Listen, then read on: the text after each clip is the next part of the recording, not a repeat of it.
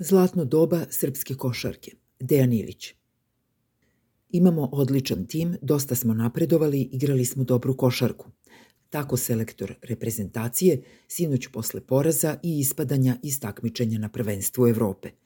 Još moramo da budemo optimisti, kaže selektor.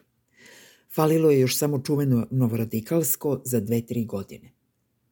Sve što je Svetislav Pešić rekao posle izgubljene utakmice sa Italijanima, gola je laž – Umesto što je pričao neistine i najavljivao šta treba da se uradi, trebalo je samo da kaže da više neće biti selektor, kao što je to nedavno kao trener uradio Dejan Stanković, ali to je druga priča.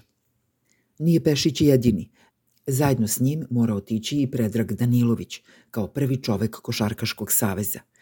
I Pešić i Danilović veliki su, jedan kao trener, a drugi kao igrač, ali to je bilo nekada. Sada su se pokazali kao sitni, zapravo ne sada – Danilović je sitan od kada je pristao da trpi u upravnom odboru Saveza Vučićevu savetnicu, a i Pešić i Danilović pokazali su se kao sitni kada su pristali, odnosno pozvali Porfirija da poseti reprezentaciju i udario joj ortodoksni žig. Imaju Porfirije i SPC koga da odlikuju. Reprezentacija je morala ostati izvan tog političkog i pravoslavnog zločinačkog kruga. I Pešić i Danilović imali su dovoljno sportskog i javnog autoriteta da reprezentaciju zaštite od zloupotrebe. Nisu to uradili. Ne kažem da je zato stigao poraz od Italijana, ali to je bio uvod, svojevrsna predigra. Od Italijana je reprezentacija Srbije izgubila jer je igrala loše, jer se Pešić sakrio iza Nikole Jokića, a Jokić sam, koliko god da je genijalan, ne može protiv svih. Videlo se to u ostalom i kada igra u Denveru. Iako je Jokić najbolji igrač u košarkaškom takmičenju u Sjedinjenim državama, njegov tim i dalje nije najbolji. Za razliku od Kokoškova, koga je nasledio kao reprezentativni selektor, Pešić na raspolaganju nije imao samo, kako se to kaže, najboljeg košarkaša na svetu, Jokića dakle, nego izvanično najboljeg košarkaša Evrope, Vasilija Micića – Kada se sad pogleda, Kokoškov bez dvojice najboljih i nije tako loše prolazio.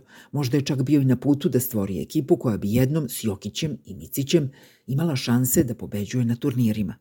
Sumnjali smo da je Kokoškov na čelu reprezentacije Slovenije bio dobar jer je imao Luku Dončića. Sada vidimo, Pešić nije dobar i kada ima Jokića. Da se odmah razumemo, Pešić nije pogrešio kada je odlučio da Miloš Teodosić više ne bude u reprezentaciji – Greška i Pešićeva i Danilovićeva u tome što su pomislili da je dovoljno da privola Jokića da igra za reprezentaciju, kao i u tome što su verovali da je Porfirije dovoljan da se napravi takozvani duh reprezentacije. Da tog duha nema, videlo se kada su inače odlični igrači redom počeli da promašuju protiv Italije.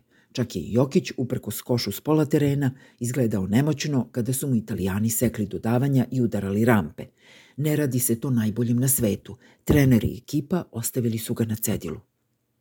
Da je Pešić posle utakmice rekao imamo odlične igrače, ali nemamo tim, to bi bilo tačno. I onda bi otvorio ključno pitanje, zašto nemamo tim? Zašto su italijani sve pogađali, a Srbi bezmalo sve promašivali? Isti oni Srbi koji inače u svojim timovima iz istih pozicija redovno pogađaju šta je to falilo reprezentaciji, a što imaju mahom strani klubovi u kojima ovi Srbi inače redovno dobro igraju. Kao selektor, Đorđević je praktično oteran iz reprezentacije, isto tako i Kokoškov. Umesto njih dvojice došao je kao spasitelj Pešić. Ali Pešić više ne može nikoga da spasi. Njegovo trenersko vreme je prošlo. Kako sada stvari stoje, Đorđević i Kokoškov su bili daleko bolji treneri od Pešića. Ako njih dvojica nisu uspeli, bilo je besmisleno očekivati da uspe Pešić. S Jokićem, kao još jednim spasiteljem, ili bez njega, svejedno. Kao glava Saveza, Danilović se uzdao u čudo od Jokića. Možda je mislio, svaki trener, kakav god da je, s Jokićem bi morao uzeti zlato. Džabe primer Denvera. Jokić može mnogo, ali ne može sve – Jokićevi sa igrači iz reprezentacije mogu mnogo, ali nisu dali ni deo toga što mogu. Pravo pitanje za Pešića i Danilovića je zašto? Šta fali reprezentaciji, a što imaju timovi u kojima odlično igraju ovi igrači?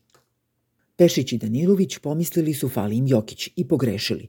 Ne čudi što je Pešić pogrešio, on sam je rekao da nije gledao igrače pre nego što su se okupili u reprezentaciji. Morao je da ih vidi u prijateljskim utakmicama da bi zaključio ko od njih treba da igra.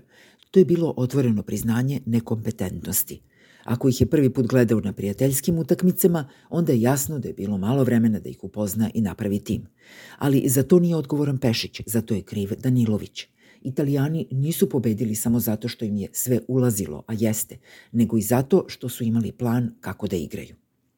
Košarkaši Srbije nisu imali plan kako da igraju i zato su se, recimo to tako, oduzeli, ili kako to kaže inače vrlo pribrani kapitane reprezentacije Vladimir Lučić, ušli su u nervozu.